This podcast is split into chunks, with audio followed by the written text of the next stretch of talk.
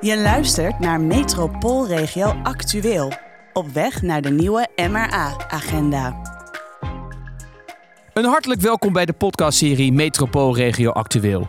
In deze serie praten mijn gasten jou over allerlei thema's bij die spelen in de metropoolregio Amsterdam vanuit de zogenaamde Triple Helix: bestuurlijk, wetenschappelijk en praktijk. Vandaag duiken we in een wederom maatschappelijk zeer belangrijk thema, te weten woningen. Want dat er veel woningen nodig zijn, dat is een bekend gegeven. Maar hoe zorgen we ervoor dat deze woningen ook toekomstbestendig zijn? Hebben we de juiste prioriteiten en wat is er allemaal voor nodig om tot een toekomstbestendige woonproductie te komen? Mijn naam is Frank Kromer en in deze aflevering spreek ik met Floor Roduner, wethouder in Haarlem, verantwoordelijk voor alle bouwprojecten.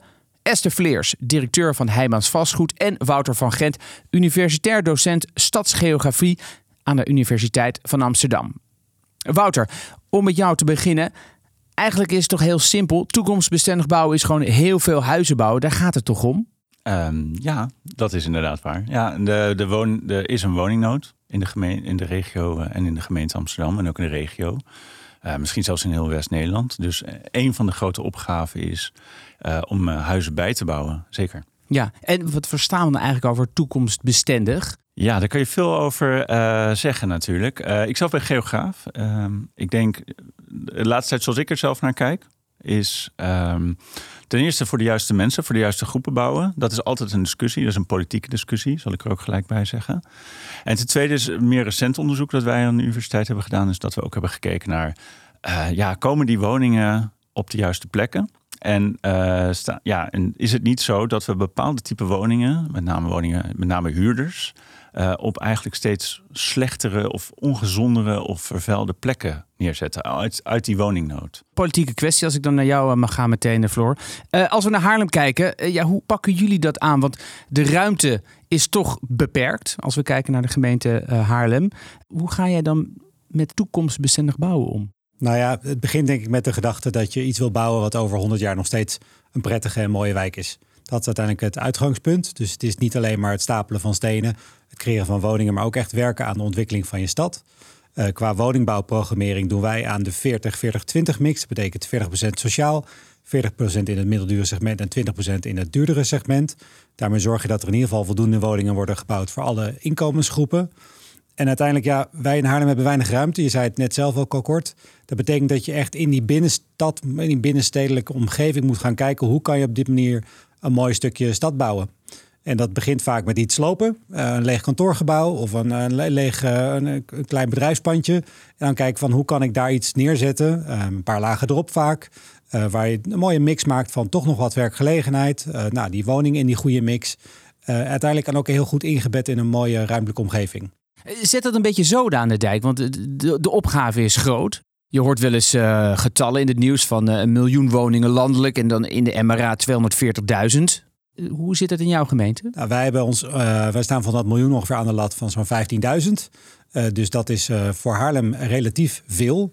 En dat past ook gewoon nog goed in de stad. Maar het betekent wel dat je anders moet gaan kijken naar hoe die stad eruit ziet, waar nog ruimte is en waar je op een goede manier ook die ruimte kan benutten om woningen toe te voegen. Waar komt die toekomstbestendigheid eigenlijk vandaan? Waarom is daar nu zoveel aandacht voor? Ja, uh, nou, het is een goede, goede vraag. Ik, ik denk overigens wel, je moet sowieso nagaan. Hè, als je woningen bouwt, wordt dat meestal voor ongeveer 30 jaar gebouwd. Dat is eigenlijk heel vaak de redenering. Maar dat, dat vereist ook, als je het langer doet, vereist het investeringen. Uh, en vereist het ook eigenlijk gewoon meer geld en grotere investeringen. En ik merk ook wel dat uh, ja, met de roep om veel woningen wordt er ook vaak ook wel gezegd van nou ja, misschien moeten we daar dan een beetje afscheid van nemen. Uh, dus het is een constante spanning tussen aan de ene kant genoeg woningen bouwen en laat ik zeggen uh, kwalitatief woningen bouwen. Uh, om, een, om een voorbeeld te geven. Er is vaak wordt gezegd, nou misschien kunnen we wat, nou ja, er zijn, er zijn de gedachten verschillend over, maar misschien kunnen we wat meer containerwoningen bouwen voor bepaalde groepen. Of misschien kunnen we meer tijdelijk woningen, of misschien meer van hout gaan bouwen.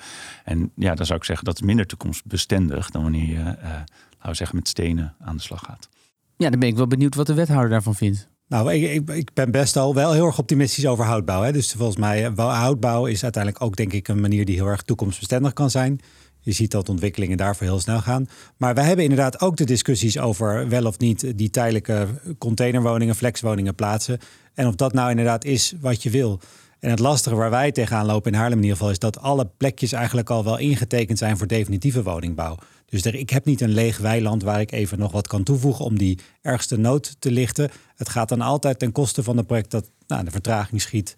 Uh, en moet worden uitgesteld. Dus ik, nou, ik, probeer mezelf altijd toch die lange termijn in de gaten te houden. Uh, en natuurlijk probeer ik op de korte termijn kijken... wat kan we, kunnen we nog organiseren, wat kunnen we nog regelen... voor bijvoorbeeld Oekraïners of uh, asielzoekers als daar ook vraag is...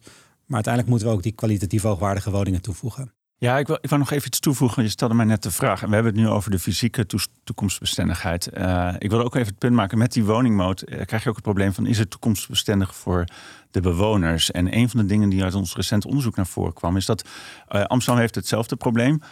weinig bouwlocaties. Dus wat zie je gebeuren met de toenemende druk... is dat er hele mooie ontwikkelingen worden gedaan... maar dat die ontwikkelingen heel vaak op plekken die nog over zijn. En dat zijn vaak niet de beste plekken. Dus dat zijn vaak dicht bij havens, uh, dicht bij Schiphol, dicht bij uh, snelwegen.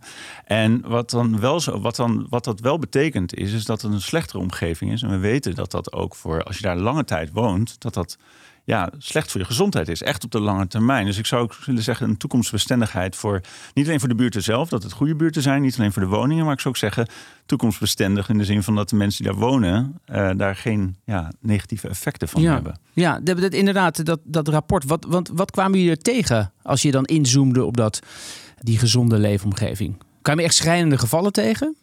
Nou, schijnend Kijk, het probleem is, ik zal gelijk zeggen, wij zijn geen medici. Dus we vonden het is heel moeilijk om de medische aspecten te zien. Nu is het natuurlijk met Tata Steel recent echt onomstotelijk vastgesteld. Maar dat is een extreem uh, geval. Maar uh, we weten wel uit de literatuur dat inderdaad uh, luchtverontreiniging, maar ook geluidsoverlast ja, grote nadelige gevolgen kan hebben. Zeker over de lange, termijn. En we zagen met name misschien wat minder gezondheidseffecten, maar daarvoor was ons onderzoek nog niet goed genoeg.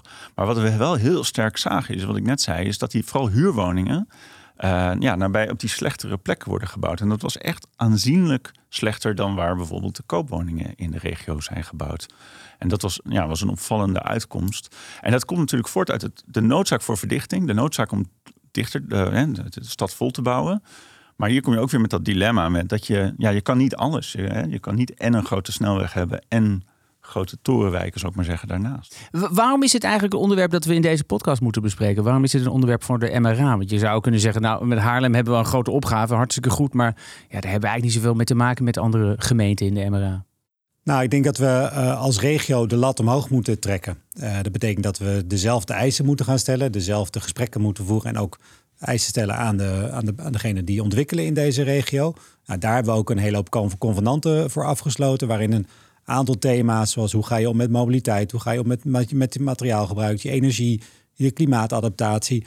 Dat zijn hele goede zaken waar je gewoon ja, met elkaar afspraken over kan maken. En ook zo'n convenant helpt gewoon om de lat allemaal wat hoger te leggen voor iedereen. In de vorige aflevering hadden we hoogleraar Henri de Groot. Die zei ja, eigenlijk toekomstbestendig bouwen. Ja, we moeten eigenlijk voor de ouderen bouwen. Iedereen uh, bouwt nu woningen voor starters. En, uh, want daar denken we, ja, dat is makkelijk scoren. Maar het zijn juist de ouderen die niet kunnen doorstromen, waardoor ze te lang in een gezinswoning blijven wonen.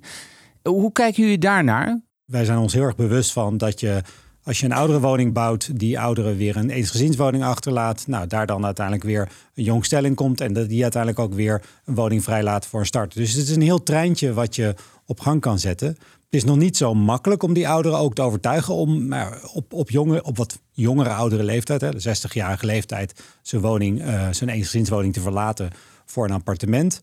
Dus dat is nog niet zo makkelijk. Wat we in ieder geval doen is dat we hebben afgesproken dat alle woningen die in Haarlem worden gebouwd een soort basis ook hebben op het gebied van uh, toegankelijkheid. Dat gaat over nou, dat je ongelijkvloers je woning binnen kan. Hè, zeker als het appartementen zijn. Uh, dat gaat over waar je je keuken neerzet, hoe breed de lift is. Nou, zulke soort dingen kun je doen. En dan is er daarna nou, het gesprek aan gaan met die ouder... om zich te overtuigen dat dit toch een hele mooie kans is... om die volgende stap in hun wooncarrière te zetten. Hoe zie jij dat? Nou, ik ben het wel mee eens dat er een nadruk ligt op starters. Dat er een nadruk ligt op jonge mensen. Uh, en ja, en, en, los van wat er in Haarlem gebeurt, ik denk dat het inderdaad in de retoriek vaak wel terugkomt. Hè? Dus ik ben het wel eens met Henri de Groot in deze. Uh, ik moet er wel bij zeggen, als je nu gaat bouwen uh, voor de ouderen, het is natuurlijk een demografische golf.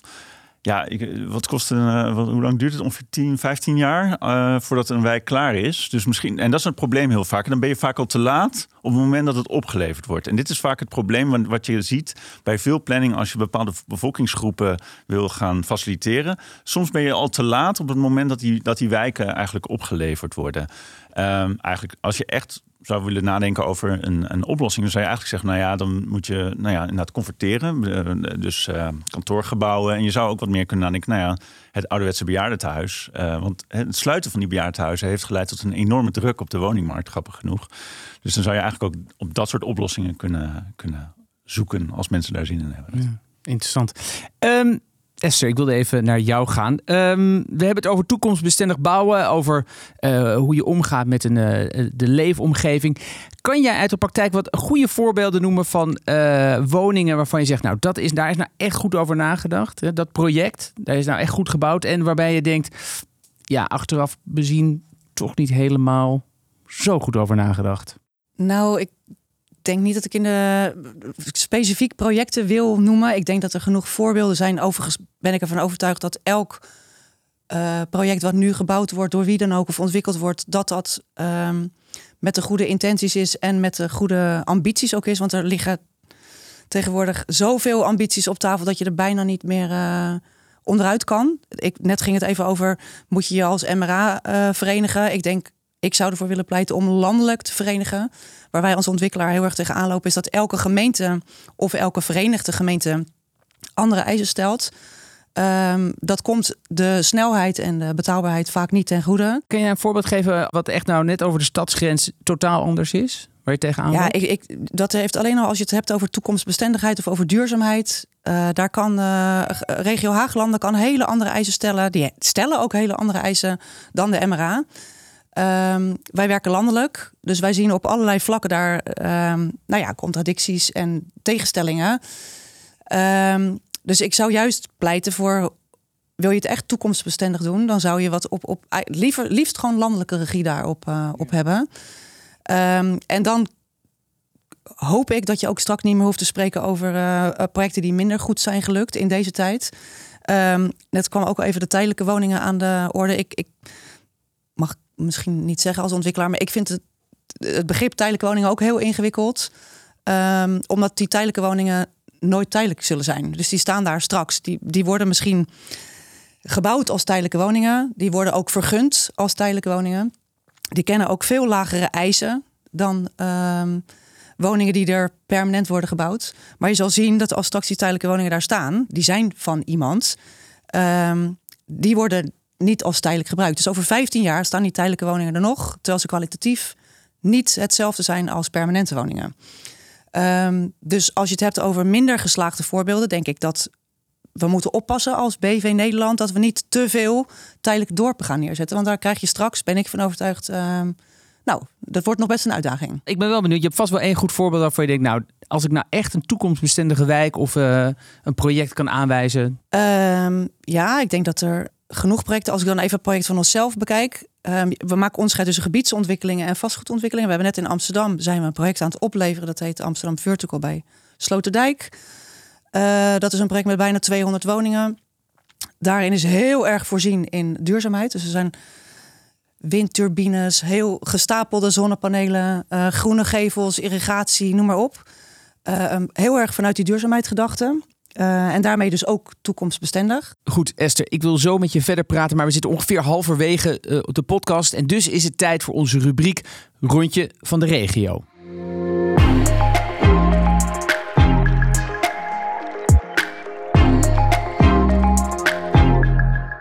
Ik was op 12 september aanwezig tijdens een MRA-bijeenkomst voor bestuurders, raads- en statenleden. En tijdens dit samen zijn stond het principe van de onvermijdelijke keuze centraal. In het verlengde van de State of the Region en de oproep van burgemeester Femke Halsma van Amsterdam. En ik vroeg verschillende aanwezigen naar hun mening over de volgende stelling. Klimaatbestendig bouwen is mooi, maar daar hebben we geen tijd voor. We moeten nu snel woningen bouwen.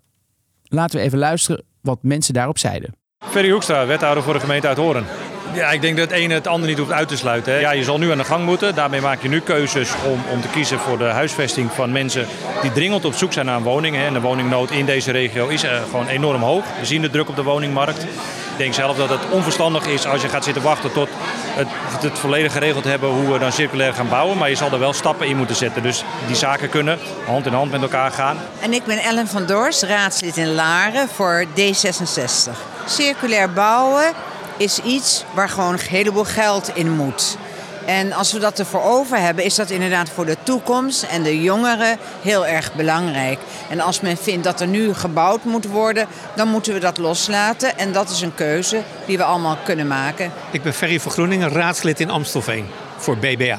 Ik denk dat het samen kan. Het is een uitdaging. Je ziet houtbouw. Dus waarom zou het niet samen kunnen? Je moet alleen als politiek niet de eisen al te hoog gaan leggen, want die neiging hebben we nog wel eens.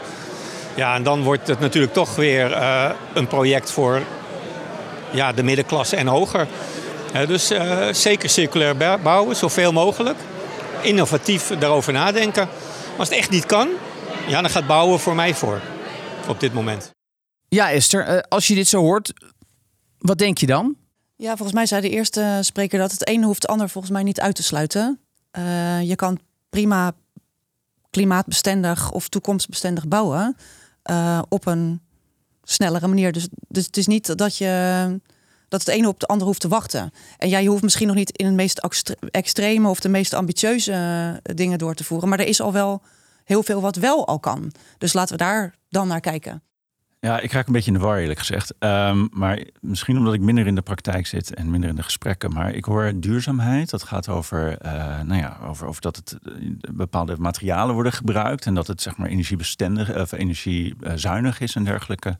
Ik hoor klimaatbestendig, dat is weer iets anders natuurlijk. Dat is eigenlijk ervoor zorgen dat eh, misschien met extreem weer en, en, en extreme hitte, dat het daarvoor bestendig is. En ook circulair. En dat impliceert weer dat je eigenlijk het heel makkelijk kan afbreken en opnieuw kan opbouwen. En dat het, de materialen daarvoor zich goed lenen. En dat zijn eigenlijk drie verschillende dingen, vind ik. En dan, en dan gooi ik er nog even voor de, voor, de, uh, in dat je ook nog moet nadenken over de omgevingskwaliteit. En, en dat je moet, en ook hitte bijvoorbeeld, maar ook um, dat er genoeg groen is, dat er genoeg omgeving, dat er omgevingsgeluid niet de woning in binnentreedt. En dat zijn allemaal hele verschillende doelen. Uh, die allemaal erg op elkaar lijken, maar inderdaad elkaar niet hoeven uit te sluiten. Maar ik zou ze in sommige, zeggen, in sommige gevallen ook zeggen dat ze elkaar juist wel uitsluiten. Hè? Dus om een voorbeeld te geven, hout kan misschien minder goed isolerend werken dan beton. Uh, dus ik, ik raak er een beetje van in de war. Dat, dat, dat, dat mag. Dat snap ik wel, want het, het, liep, loopt volgens mij ook allemaal door elkaar heen hè, in, het, in het stuk. En, en, en ik, we ik, zei, ik gaf net een voorbeeld over nou, houtbouw en de, wat, het materiaal wat je gebruikt. Die afweging valt voor mij dan nu weer net wat anders uit dan inderdaad bijvoorbeeld iets als klimaatadaptief bouwen. Uh, we hebben er nu niet zo heel veel belang bij om, om iets zodanig te verstenen dat je op termijn weet van ja, dit gaat geheid ongelukken uh, verzorgen. Hè? Dus je moet wel nadenken over, zeker in geboten gebiedsontwikkelingen. Kijk, niet elk je hoeft niet op elk plotje van een gebouw hoef je alle klimaatadaptatie, dus regenwaterproblemen op te vangen. Maar je moet wel zorgen dat je het idee hebt dat het op het hele gebied wel uit kan. En dat kan ook nog een nieuwe oplossing zijn met infiltratie, krakken, kratten, uh, wadi's. Hè. Dus op het dak kun je heel veel water bufferen. er zijn heel veel verschillende manieren. Maar je moet een beetje ja, speels mee omgaan om te zorgen dat eh, je die verschillende elementen niet onmogelijk maakt.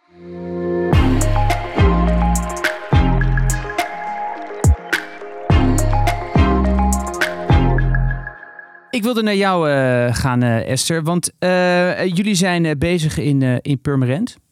Ja. Wat, wat zijn jullie daar aan het, aan het bouwen? Nou, we zijn daar nu nog niks aan het bouwen. Wat gaan jullie bezig bouwen? met planvormen. Ja, we zijn daar rondom het station van Purmerend. Gaan we daar samen met de gemeente Purmerend hebben daar een visie gemaakt om het huidige gebied eigenlijk te transformeren naar een ehm, nieuw gebied met meer ehm, mix van wonen, werken, recreatie. Uh, meer toekomstbestendiger maken. Uh, er komen straks 1800 woningen bij, ongeveer 23.000 vierkante meter uh, voorzieningen komen erbij. Um, en daarbij moet natuurlijk ook de hele mobiliteit daaromheen goed geregeld worden. Dus het is echt een grote gebiedsontwikkeling. Um, waarbij we nu dus nog in de planvorming zitten. Gebiedsvisie is nou, nog niet zo lang geleden goedgekeurd. Um, en nu gaan we bezig met ja, de concrete invulling daarvan. En tegen wat voor dilemma's loop je, loop je daar? Nou ja, daar Ehm, er, zijn, er zijn meerdere dilemma's. Dat zien we nu sowieso in veel gebiedsontwikkelingen waar je gaat inbreiden of waar je binnenstedelijk weefsel gaat bouwen. Dus het altijd bestaand bezit in van particuliere eigenaren. Ehm, dat bezit heeft een waarde en die eigenaren willen graag die waarde terug. Dat kan niet altijd of vaak niet uit. Dus dan zorgt dat voor stagnatie. Hoe kun je er nou voor zorgen dat je toch de snelheid erin houdt? Dat is een, uh, dat is een dilemma. Um, het dilemma is waar ga je beginnen? Um, om ervoor te zorgen dat je toch een treintje kan maken. Dus als we beginnen op een sociale woningbouwlocatie, hoe kun je ervoor zorgen dat die mensen wel binnen de wijk kunnen blijven wonen? Um, en hoe ga je ervoor zorgen dat je dus met de stakeholders in dat gebied. Dus dat zijn niet alleen wij of de gemeente, maar dat is ook, het zijn ook de corporaties. Dat zijn dus de eigenaren van het gebied, de eigenaren van de bioscoop. Hoe ga je ervoor zorgen dat je een zo gedragen mogelijk plan hebt, zodat er niet allerlei bezwaar komt, wat weer je plan tegenhoudt. Um, ja, en wat een uitdaging is en blijft, is hoe ga je nou ambitie verenigen met uh, snelheid en kosten. Dat is met name in deze tijd nog wel een, uh, een uitdaging. Uh, en het belangrijkste is dat je continu daarvoor in, met elkaar in gesprek blijft. Dit is natuurlijk heel erg dat binnenstedelijke, waar, wat jij eerder aanstipte. Is, is dat ook echt waar, waar de meeste ja, potentie zit? Ik denk het wel. Uh, als je naar de MRA kijkt, 171.000 woningen. Het merendeel van is daar echt toch binnenstedelijk. Hè. Dit, volgens mij het voorbeeld uit Purmerend kwam ook vanuit het bereikbare steden concept. Dat gaat over het versterken van die nou, die punten eigenlijk rond OV-stations, waar ook al waar tienduizenden woningen potentie zit, hoef je dus niet een nieuwe snelweg te bouwen. Dat is altijd fijn, ook goed voor de leefkwaliteit van de, van de stad natuurlijk. Dus daar zit heel veel potentie ook om gebruik te maken van de bestaande infrastructuur, gebruik te maken van de bestaande voorzieningen, van de groenstructuren. Nou, dat is wel, uh, denk ik, het, dat geeft uiteindelijk ook het beste resultaat. Ik wil heel even de MRA achter ons laten, want ik wil even naar Den Haag uh, Zuidwest. Daar zijn jullie al een uh, tijd bezig met een project dat we nou zeker wel toekomstbestendig kunnen noemen.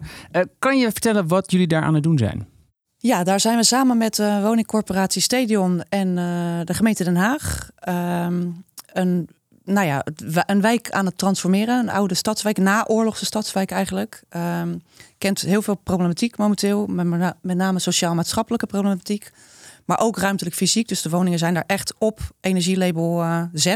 Bijna schimmel, vocht, echt, echt slecht. Um, dus dat is nu ook aangemerkt als uh, een nationaal programma. Um, en daarin gaan we uh, uiteindelijk 2000 ehm, bestaande sociale huurwoningen weghalen. En 5500 nieuwe woningen terugbouwen. waarvan het aantal sociale woningen wat er al stond, komt in ieder geval terug. En daarbovenop nog eens een keer 30 procent. Uh, dus we maken straks 50 procent uh, sociale woningbouw daar opnieuw. Uh, moet je even uitleggen voor mensen die het gebied niet kennen. Want je, hoe kan je van twee, 2200 woningen uh, dubbele maken? Ga je dan de hoogte in of wat? Hoe? Ja, we gaan deels de hoogte in, maar niet extreem hoog. En daarnaast kenmerkt Zuidwest zich door um, veel zichtgroen. Dus veel gasveldjes die um, nou niet goed worden gebruikt. Dus wat we doen is die gasvelden, die hoort, dat is ook het gekke, die horen ook bij het uh, grondgebied van Stadion. Die gaan we ook gebruiken om te bouwen. En dan gaan we de binnenterreinen die dan ontstaan, die gaan we juist vergroenen. Dus we brengen eigenlijk het, het groen een niveau omhoog. Uh, dus het is eigenlijk tweeledig. En we gaan dus op uh, het grondgebied wat nu nog gras is, dat gaan we bouwen. En we gaan de hoogte in. En hoe werkt dat dan? Want die, die mensen moeten dan hun huis uit. Ja. Uh, hoe, hoe, lang moeten ze dan tijdelijk ergens anders wonen? Ja, dat is het mooie van dit plan. Mensen die hebben een terugkeergarantie. Dus die mogen, als ze die nu ehm, hun huis uit moeten omdat het gesloopt wordt, hebben ze weer de garantie om terug te keren in de wijk als ze dat willen. En we zijn ook heel erg aan het kijken naar de sociale structuren binnen die wijk. Daarom is dat ook een andere vorm van toekomstbestendigheid, maar wel ook net zo relevant.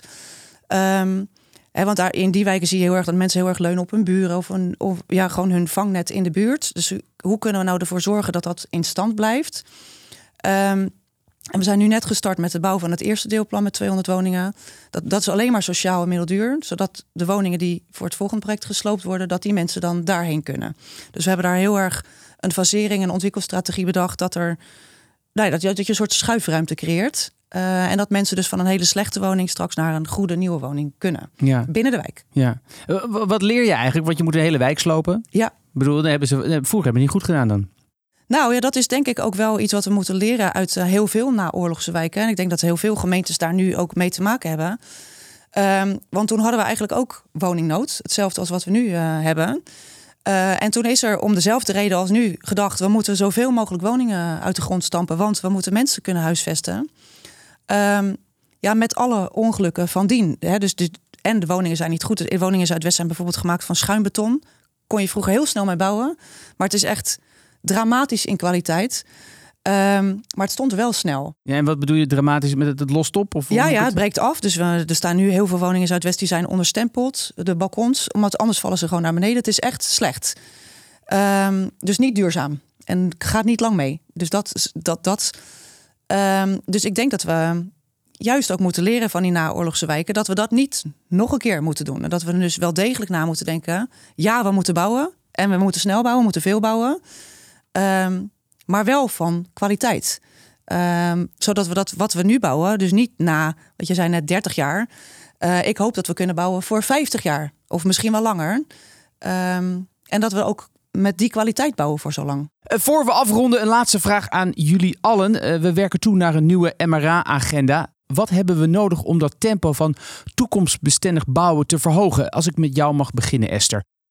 Duidelijkheid in wet en regelgeving. Dat ontbreekt er momenteel uh, heel erg. Uh, en ik pleit heel erg voor landelijke regie. Ja, nou, ik denk uh, centrale regie. Ik denk ook dat het uh, voor een deel ook uit publieke middelen moet. Maar ook, zeg maar, ja, en dan moet ik ook even een lans breken voor een, een volkshuisvestingsgedachte. Dat het ook niet alleen via de vrije markt en, en, via dat mechanisme moet worden ontwikkeld. Omdat ik dan vermoed dat de opbrengsten en de uitkomsten niet optimaal voor iedereen zullen zijn probeer het zo neutraal mogelijk te stellen. Uh, dus ik denk dat dat heel belangrijk is. Dus die centrale regie ben ik het mee eens. Maar ik denk dat er ook een soort van collectief idee bij moet ontstaan. Waarbij een deel van de publieke middelen, publieke, goede, uh, publieke middelen wordt gebruikt. om dit zo snel mogelijk te laten gebeuren. Maar dat, ook dat het ook voor het hele publiek om voor, de hele, hè, voor het hele volk, voor iedereen eigenlijk uh, ja, toegankelijk en betaalbaar is. Ik sluit me grotendeels bij aan standaardisatie hè, van de eisen die we elkaar opleggen. Of dat nou landelijk of zoals hier in de MRA regionaal gebeurt. Landelijk is denk ik nog mooier. Um, en ik denk gewoon op korte termijn heeft de bouw ook gewoon behoefte aan een, eigenlijk toch een extra financiële impuls vanuit het Rijk. Uh, we zien gewoon heel veel goede projecten waarin wel heel erg is nagedacht over toekomstbestendigheid uh, stilvallen. Omdat op dit moment ja, de kosten enorm gestegen zijn en, en de rente ook gestegen is. En volgens mij wat je dan niet wil is gaan we knibbelen op de kwaliteit. En dat je zegt het kan wel weer een onsje goedkoper om dat project rond te maken. Dus ik hoop ook dat nou, de startbouwimpuls die we nu hebben, dat die hopelijk nog wat groter wordt. En dat dat uiteindelijk voor gaat zorgen dat die enorme woningennood ook opgelost gaat worden met de woningen die we nu kunnen bouwen. Goed, daarmee zijn we aan het einde gekomen van deze aflevering. Dank aan mijn gasten Floro Duner, Wouter van Gent en Esther Vleers. Voor we afsluiten leg ik onze luisteraars graag de stelling voor van aflevering 3. Die gaat over energiearmoede en energierechtvaardigheid. En de stelling luidt als volgt. De energietransitie wordt vooral gezien als een technische en financiële opgave, maar het is cruciaal dat er veel meer aandacht komt voor de sociale kant. Wil je hierop reageren? Stuur dan vooral jouw meningen en ideeën in via info@metropoolregioamsterdam.nl of via WhatsApp naar het nummer 06 148 248 94. Wil jij nou op de hoogte blijven van de ontwikkelingen? Kijk dan op www.metropoolregioamsterdam.nl en abonneer je vooral op deze podcast in jouw favoriete podcast-app. Mijn naam is Frank Kromer. Tot de volgende keer.